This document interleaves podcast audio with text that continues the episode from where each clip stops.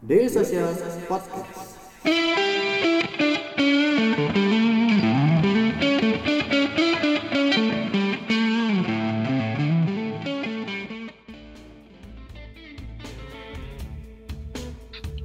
Oke, halo, halo. Eh, selamat malam, teman-teman, Eh, dan selamat datang di eh, Selasa Startup, teman-teman Daily Social TV. Eh, ini udah ada 23 orang, oke, 23 orang yang eh, watching dan kita masih menunggu teman-teman yang lainnya juga untuk eh, masuk eh, join kita di Selasa Startup kali ini. Dan ya, tadi selamat datang. eh, udah berapa lama ya? Dua dua minggu kayaknya sekitar dua minggu kalau saya nggak salah ingat eh, apa Selasa Startup udah vakum waktu itu sementara eh, karena ada satu dan lain hal gitu ya kasus yang atau situasi yang sekarang semua kita lagi alami yaitu COVID-19 dan semoga teman-teman sehat selalu ya. Eh, di tengah situasi ini semoga teman-teman masih tetap bisa menjaga eh, kesehatannya eh, terus waspada menjaga kebersihan dan juga eh, tetap mengikuti instruksi dari pemerintah ya, yakni di rumah aja. Jadi eh, teman-teman eh, sebenarnya masih tetap bisa beraktivitas, eh, tapi di rumah aja, bekerja di rumah. Buat yang sedang menuntut ilmu bisa belajar di rumah atau shopping di rumah, makan di rumah, masak di rumah dan lain sebagainya. Eh, gitu, terus eh, Selasa Startup juga di rumah aja. Jadi eh, teman-teman ini buat yang baru pertama kali datang ya sekalian kenalan juga eh, Selasa Startup eh, itu sebenarnya adalah event rutin kita. Setiap hari Selasa kita ada eh, weekly event sesuai nama ya Selasa Startup. Jadi setiap hari Selasa ada figur-figur startup yang kita undang buat sharing ngobrol-ngobrol tentang yang kaitannya sama expertise dia dan yang eh, tidak kalah penting berkaitan sama industri digital dan teknologi dan juga startup. Eh, dan aktivitasnya Selasa Startup itu eh, pada dasarnya dua, yakni eh, workshop, jadi kelas santai gitu, sharing session eh, seperti yang saya jelaskan tadi. Terus yang kedua adalah eh, networking session.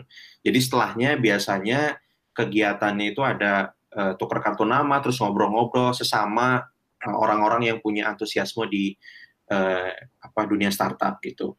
Terus eh, biasanya kita ngejalaninnya setiap Selasa di eh, apa kantor kita di HQ kita di Kemang. Eh, boleh di Google aja langsung eh, alamatnya itu biasa kita di sana. Tapi eh, per hari ini sampai ke depannya sampai waktu yang eh, belum bisa ditentukan gitu ya. Karena kita harus melihat kondisi juga dan juga sesuai anjuran pemerintahnya nanti seperti apa arahannya. Eh, Selasa Startup akan eh, formatnya sekarang sementara seperti ini dulu yaitu Selasa Startup live streaming gitu. Jadi teman-teman masih tetap bisa eh, terkoneksi gitu ya sama eh, apa update-update terbaru dan juga sama figur-figur di industri startup dan juga bisa langsung ngobrol-ngobrol sama dia gitu.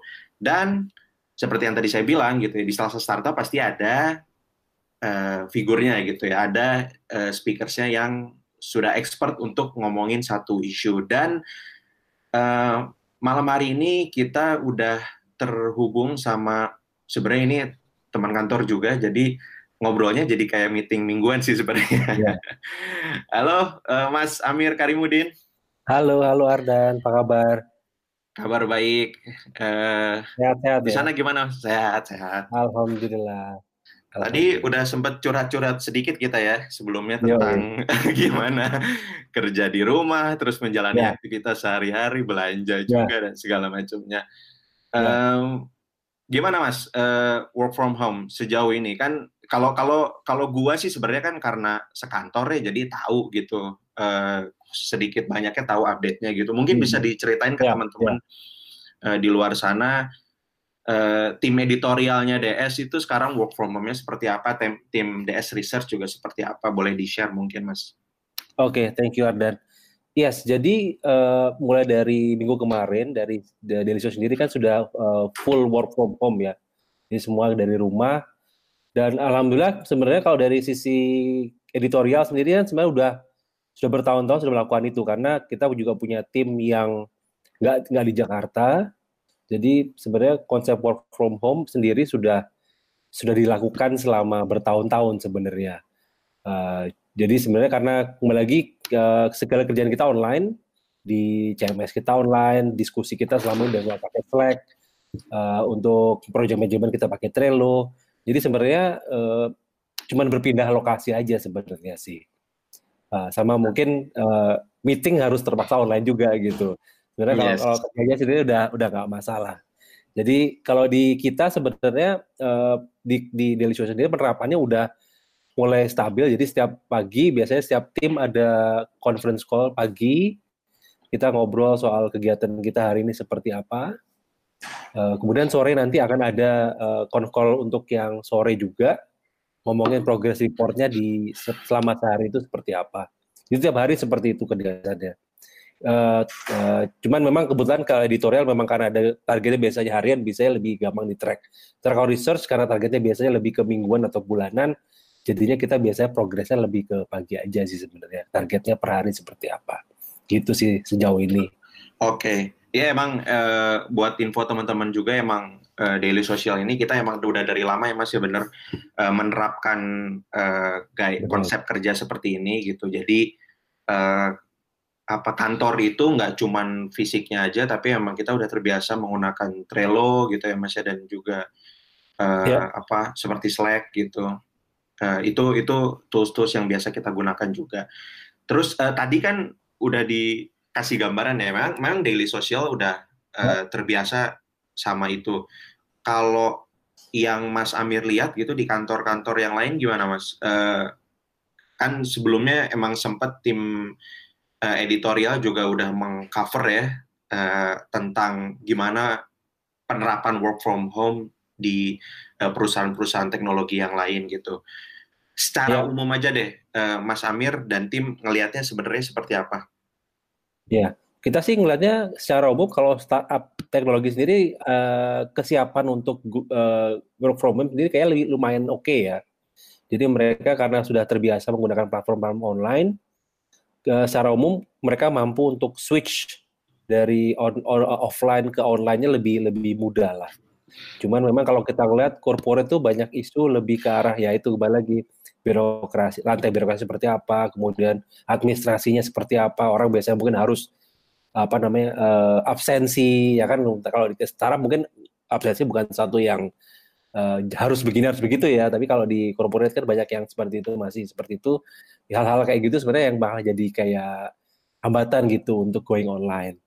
Nah, cuman ya kembali lagi kita paham bahwa eh, nggak segampang itu untuk going online, untuk work from home, untuk uh, remote working. Jadi uh, dan kondisi ini seperti ini, pandemi seperti ini justru memaksa uh, secara langsung uh, setiap perusahaan untuk berpikir bahwa kalau terjadi kondisi seperti lagi uh, kesiapan perusahaan seperti apa gitu.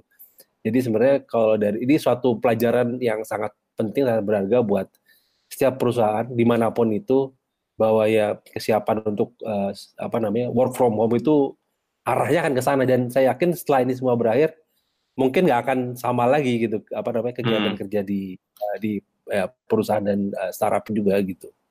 Yes, mungkin mungkin ya uh, memang harus uh, ada kondisi yang mendesak dulu gitu kan, memang untuk untuk uh, akhirnya diimplementasi gitu. Dan memang uh, ya unfortunately kondisinya memang seperti ini gitu ya. Harus ya. Uh, seperti ini yang mengkondisikan. Tapi akhirnya ada pembelajaran besar bahwa mungkin ke depannya bener ya tadi ya. Akhirnya bisa jadi gaya kerja ke depannya tidak sama lagi gitu.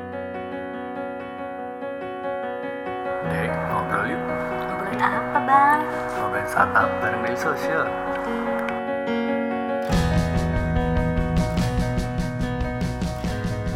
Daily Social Podcast.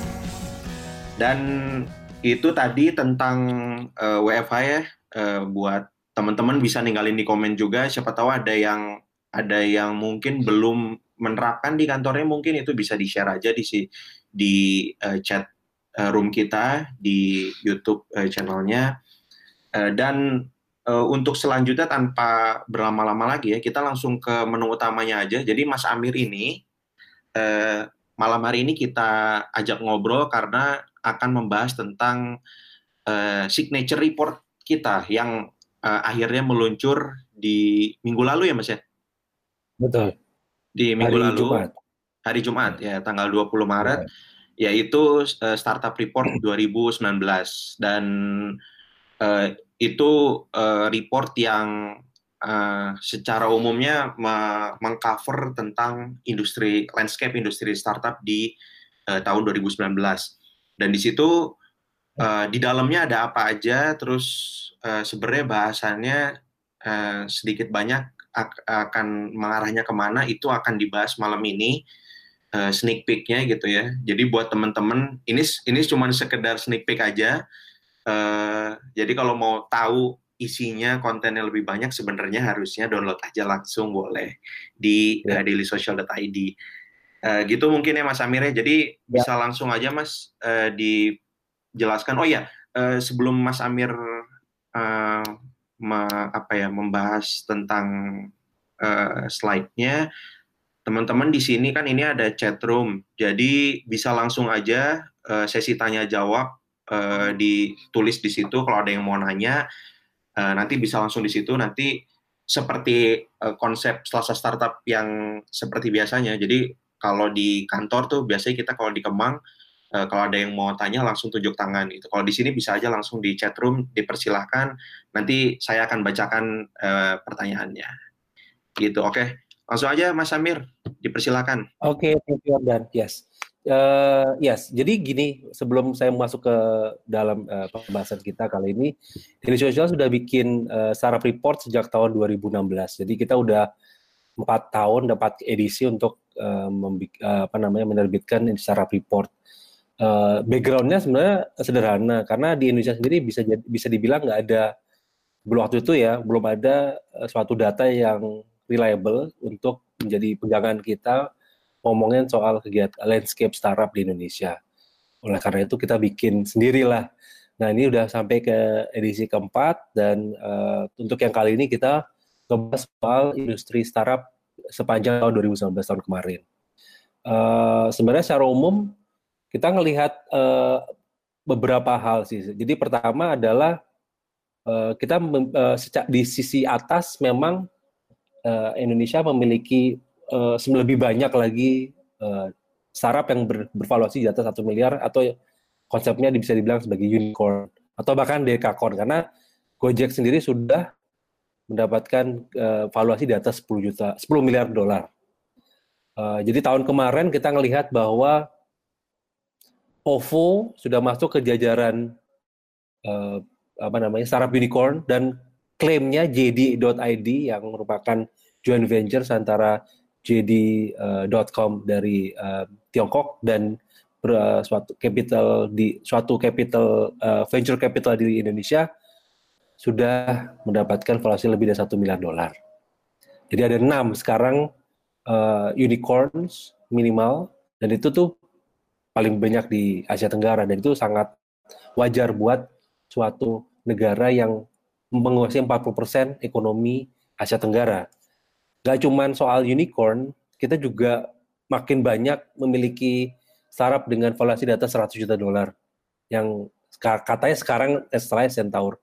Jadi ini adalah calon-calon unicorn baru uh, yang mungkin saya nggak tahu kalau tahun ini mungkin kita masih sangat optimistik kalau ada yang bisa naik kelas ya. Tapi coba tahu tahun depan sudah bisa menyusul sebagai uh, unicorn startup. Uh, kebanyakan dari uh, Centaur ini uh, ber, ber, apa, beroperasi di sektor commerce dan fintech, tapi beberapa yang lain juga udah uh, apa namanya masuk dari misalnya uh, edukasi, kemudian kesehatan, sudah mulai kelihatan nama-nama uh, yang memberikan apa ya istilahnya uh, inovasi-inovasi segar lah di berbagai vertikal industri nggak cuma e-commerce dan uh, apa namanya uh, fintech. Jadi kalau kita ngelihat di sini uh, paling banyak uh, Centaur itu fintech dan e-commerce Uh, kemudian uh, ada lagi new retail. Jadi new retail ini uh, menggabungkan antara e-commerce dan uh, offline retail. Uh, kemudian ada SaaS juga ternyata interestingly uh, dan beberapa startup lain di media, di logistik, di kesehatan dan lain sebagainya. Uh, kita ngelihat bahwa gen retailing ini sesuatu yang yang mungkin udah nggak bisa uh, apa ya sudah terlalu besar lah para pemain di dalam jadi Grab dan Gojek ini dua pemain yang meskipun ada beberapa pemain lain yang mencoba untuk niche apa di beberapa sektor tapi uh, Grab dan uh, Gojek ini bisa dibilang sudah mendominasi market ini.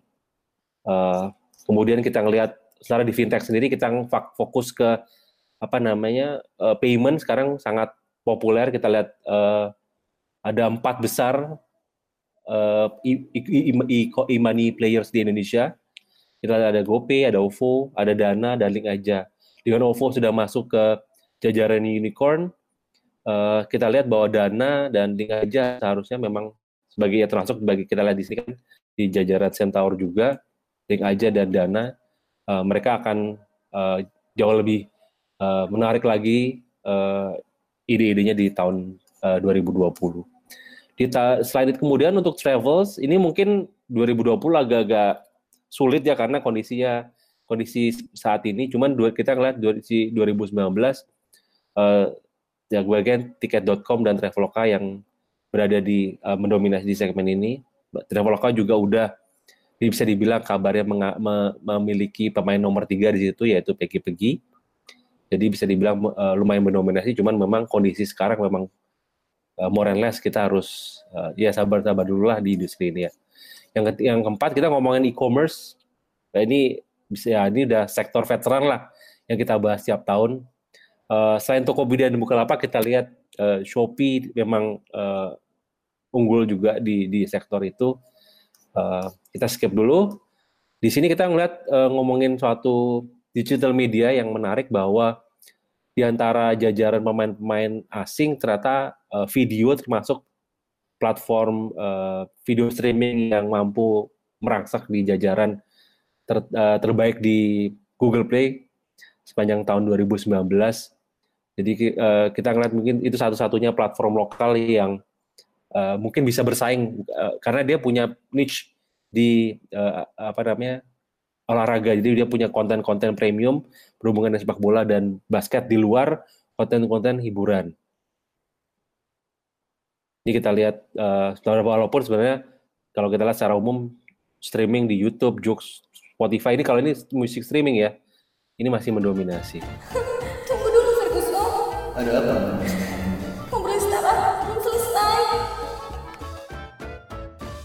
Nah, beberapa pemain apa sektor vertikal yang akan menarik di tahun ini dan tahun uh, tahun ini adalah uh, pendidikan, uh, pertanian dan kesehatan. Kita lihat di sini, uh, apalagi sekarang dengan kondisi sekolah-sekolah harus diliburkan, luar biasa sekali uh, traction yang diperoleh oleh apa namanya startup-startup uh, teknologi, teknologi pendidikan.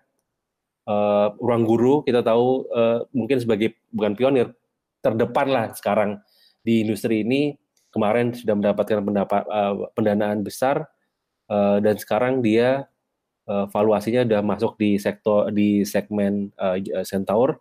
Dan ada Zenius, ada Klase, ada Kuiper, ada baik dari dalam negeri maupun negeri sudah banyak platform-platform yang uh, mencoba mencoba memenuhi kebutuhan di, di uh, sektor uh, pendidikan. Kemudian kita juga memiliki sektor teknologi pertanian. Ini tuh segmennya luas banget. Eh, cuman beberapa pemain sudah mulai mencoba untuk memberikan solusi dari hulu ke hilir. Salah satunya yang termasuk dalam Centaur adalah Tani Hub. Itu dia uh, selain selain Hub Group selain punya Tani Hub sebagai platform e-commerce, dia juga punya Tani Fund untuk membantu pembiayaan bagi para petani dan untuk uh, supply chain dia punya namanya Tani Supply. Jadi kalau kita lihat uh, selama ini uh, sektor agritech ini sangat menarik karena kembali lagi Indonesia adalah negara agraris, kebutuhan dari masyarakat juga tinggi. Kita melihat bahwa uh, apalagi dengan kondisi seperti sekarang ini online groceries melalui yang langsung dari platform-platform agritech luar biasa sekali. Tani Hub dan Sayur Box, saya lihat uh, lumayan sangat oke okay sekali uh, di kondisi seperti ini. Kemudian health, kembali lagi kita lihat dengan kondisi sekarang, kesehatan ini menjadi suatu hal yang sangat menjadi perhatian. Uh, dua yang paling populer adalah Halodoc dan Halo Dokter. Tapi secara umum sebagai apa namanya platform yang menyasar basis uh, kebutuhan dasar manusia, uh, saya lihat ke depannya memang ini akan jadi suatu apa namanya sektor yang akan semakin menarik di tahun 2020. Berhubungan dengan health tech, kita ada insurance. Insurance ini uh, atau insurtech kita bisa dengarnya kalau misalnya di apa namanya di industri startup ini juga kembali makin populer. Kita dengar nama Pasar Polis, uh, kemudian Koala, WePlus, uh, banyak pemain-pemain baru di industri startup yang insurtech yang menawarkan produk-produk yang uh, apa namanya produk-produk yang inovatif terutama uh, berhubungan dengan micro insurance. Nah, ini secara umum selama tahun 2019 kita mendapatkan data 113 transaksi yang diumumkan ke publik. Jadi 113 itu angka ini jauh lebih tinggi dibandingkan data di 2018 dan 2017. Secara nominal angkanya mirip dengan angka tahun 2017, jadi lebih tinggi dari 2018. Jumlahnya sekitar hampir mendekati 3 miliar dolar uh, yang diperoleh oleh uh, startup-startup di Indonesia. Meskipun begitu, kita harus ingat bahwa angka itu tidak tersebar secara merata, uh, karena Gojek sendiri uh, punya menggalangkan dana series F yang dari 2015 sampai 2020 itu total pengen uh, ingin mendapatkan sekitar 3 miliar dan di seri di tahun 2019 dia disebut sudah mendapatkan sekitar 2 miliar. Jadi 2 miliar untuk Gojek, sisanya nggak sampai nggak sampai satu miliar dibagi oleh sekitar 113 uh, informasi startup yang lain. Jadi ini kita di startup report kita punya daftar uh, investasi yang kita umumkan sepanjang uh, tahun 2019 bisa dilihat langsung di situ. Uh, jadi kita lihat di sini uh, dibandingkan tahun sebelumnya seed funding uh, lumayan gede 40 buah. Kemudian series E juga luar biasa 31 itu rekor banget hampir dua kali lipat dibandingkan tahun sebelumnya. Series B juga lebih tinggi, jumlahnya series C juga lebih tinggi. Jadi sebenarnya kalau tahun 2019 itu sangat memberikan angin segar kepada para pemain para pemain industri yang sudah lebih mature, yang sudah mulai masuk ke level later stage karena banyak uh, apa namanya venture capital yang sudah memiliki uh, apa namanya visi untuk masuk ke later stage. Jadi misalnya ada EV Growth, kemudian dan beberapa startup lain sudah masuk ke series B dan uh, selanjutnya. Kita lihat juga kalau lihat dari sisi vertikal, kita punya sektor finansial yang tetap paling banyak di sini. E-commerce juga masih lumayan. Sisanya kita lihat ada berhubungan dengan services on demand. Kemudian SaaS juga uh, oke okay banget di situ. Jadi kita ngelihat ada beberapa uh, apa namanya beberapa vertikal yang memang dapat apa, apa memiliki apa namanya growth yang lumayan di tahun 2019. SaaS adalah bisa dibilang meskipun tidak seksi secara karena dia tidak apa namanya biasanya dia jualannya ke bisnis tapi secara apa namanya secara revenue dia memiliki uh, potensi pertumbuhan yang sangat bagus karena jaminan apa namanya revenue yang diperolehnya itu lebih baik dibandingkan kalau misalnya startup-startup seperti marketplace atau fintech yang langsung jualan ke retail. Nah, ini sepanjang 2019 kita mencatat uh, investasi yang mendapatkan nominal tertinggi. Lima, lima ini minimal 100 juta dolar semua. Jadi pertama Gojek 2 miliar dolar, kemudian Ruang Guru 150 juta dolar, Credivo ini Centauri yang levelnya udah di atas 500 juta dolar valuasinya sekarang terakhir dia dapat 110 juta dolar. Halodoc dapat 65, antara Bukalapak yang unicorn sudah mendapatkan 50. Kita ngomong sekarang soal uh, venture capital. yang paling aktif sepanjang 2019 itu adalah Is Ventures dengan 19 investasi sepanjang yang diumumkan sepanjang 2019. Diikuti oleh SMDV, Alpha JWC, IGT, dan selanjutnya. nah, untuk berikutnya uh, kita tunggu uh, downloadnya di uh, CS Research. Thank you. Ya, itu dia. Pokoknya pesannya adalah ya tetap harus download ya kalau mau Iya. versionnya. Ya. Oke, Eh, itu tadi Mas Amir, thank you banget ya Mas Ya. em, atas sharingnya dan tadi ada beberapa ini yang eh, gua take note eh, terkait sama eh, apa startup reportnya. Yang eh, paling dari paling awal dulu deh yang eh, apa banyak diomongin ya tentunya yaitu Gojek kan jadi dekakorn. Betul. Terus em, kemudian eh, ada waktu itu sempat eh, Mas Amir juga udah sempat mengkaji waktu itu bagaimana eh, adanya kemungkinan dua raksasa red hailing ini gitu ya eh, Gojek Hmm. Grab yang which is dua-duanya adalah dekakorn Ya. ada kemungkinan untuk merge. Nah, Oke. itu eh, bisa dielaborasi nggak itu fenomenanya seperti apa dengan eh, apa keadaan sekarang gitu dan eh, sebenarnya kemungkinannya eh, sejauh apa sih gitu? Oke. Eh, kita lihat kondisinya dulu ya. Jadi kalau kita ngelihat kondisi sekarang sebenarnya eh, mereka mencapai evaluasi dekakorn karena memang banyak suntikan dana dari investor. Dan dana tersebut eh, mungkin mayoritas digunakan sebagai cara untuk me- mendapatkan pasar secara ek- eksponensial. Ya kan? Jadi eh, bagi usaha dengan diskon, dengan promo, dengan iklan, dengan macam-macam. Kalau orang-orang mau ngomongnya bakar uang lah. Dan Yes. ternyata meskipun mereka sudah menguasai pasar, eh, ternyata mereka masih belum bisa untung. Mungkin karena yaitu eh, revenue yang di mereka peroleh belum mampu untuk menutupi biaya yang mereka keluarkan untuk mendapatkan pasar. Eh, kita lihat misalnya kayak di Singapura, eh, ke- bahkan ketika Uber dan eh, Grab aja cuman berdua aja, mereka ternyata ujung-ujungnya malah merger juga. Jadi kalau kita ngelihat di kondisi seperti itu, eh, ada kemungkinan bahwa eh, memang eh, ternyata kondisi duopoli pun tidak me- tidak membuat mereka mampu untuk mendapatkan eh, untung. Jadi revenue-nya memang besar, tapi secara profit mungkin masih belum masuk. Dan dan biasanya dan ternyata ini kan eh, startup ini kan udah mungkin umurnya udah di atas lima tahun semua ya, at- mungkin malah udah mendekati 10 tahun. Jadi biasanya di level ini maturity seperti ini eh, investornya biasanya udah mulai istilahnya kasak kusuk lah. Mereka udah butuh, mereka harus return dana ini ke ke LP LP mereka.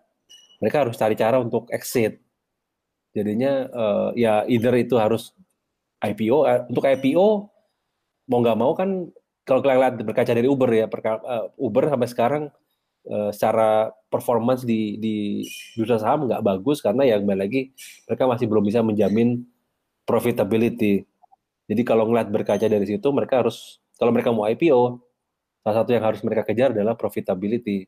Dan untuk jadi profitable mungkin mungkin kembali lagi saya kan nggak tahu ya, ter- ya, sebagai outsider kita nggak bisa cuman bisa mengira-ngira aja mungkin monopoli adalah satu-satunya cara buat mereka untuk mendapatkan path to profitability itu. Karena dengan menjadi menjadi monopoli ya berarti mereka bisa ya nggak perlu bersaing lagi ya nggak ada ada persaingan. Mereka bisa menentukan apa ya nilai apa namanya value yang mereka untuk mendapatkan revenue yang penting tinggal set angka-angkanya aja gitu. Karena masyarakat masyarakat kan pasti udah membutuhkan solusi mereka gitu.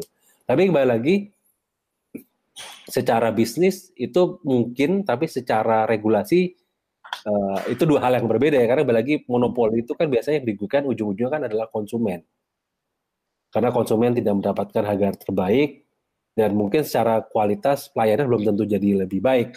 Karena kita ngelihat berkaca misalnya kayak di Cina itu di Cina kan udah monopoli karena pemimpin pasarnya Didi udah kayak merger dari Du- Didi awalnya merger dari semua apa dua pemain besar lokal Kemudian uh, Uber juga dikuasai oleh Greedy. Jadi ujung-ujungnya dia menguasai sekitar 80% pasar.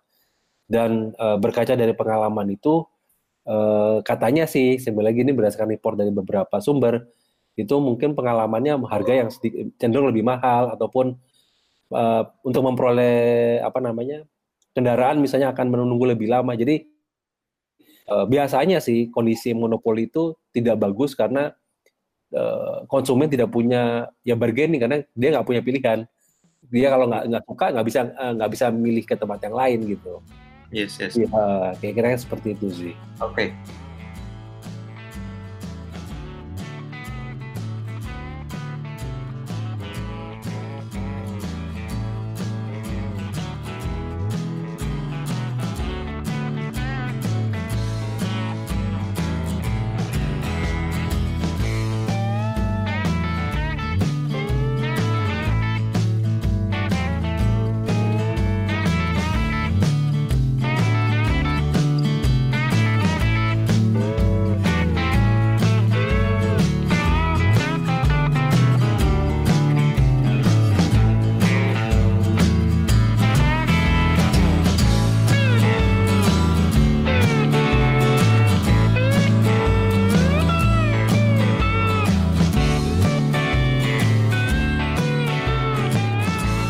Keep in touch bersama kita di dailysocial.id untuk website kita. Di Facebook kita ada dailysocial.id, di Twitter kita ada @dailysocial dan di Instagram kita ada @dailysocial.id. Di LinkedIn kita ada Daily Social dan di YouTube kita ada Daily Social.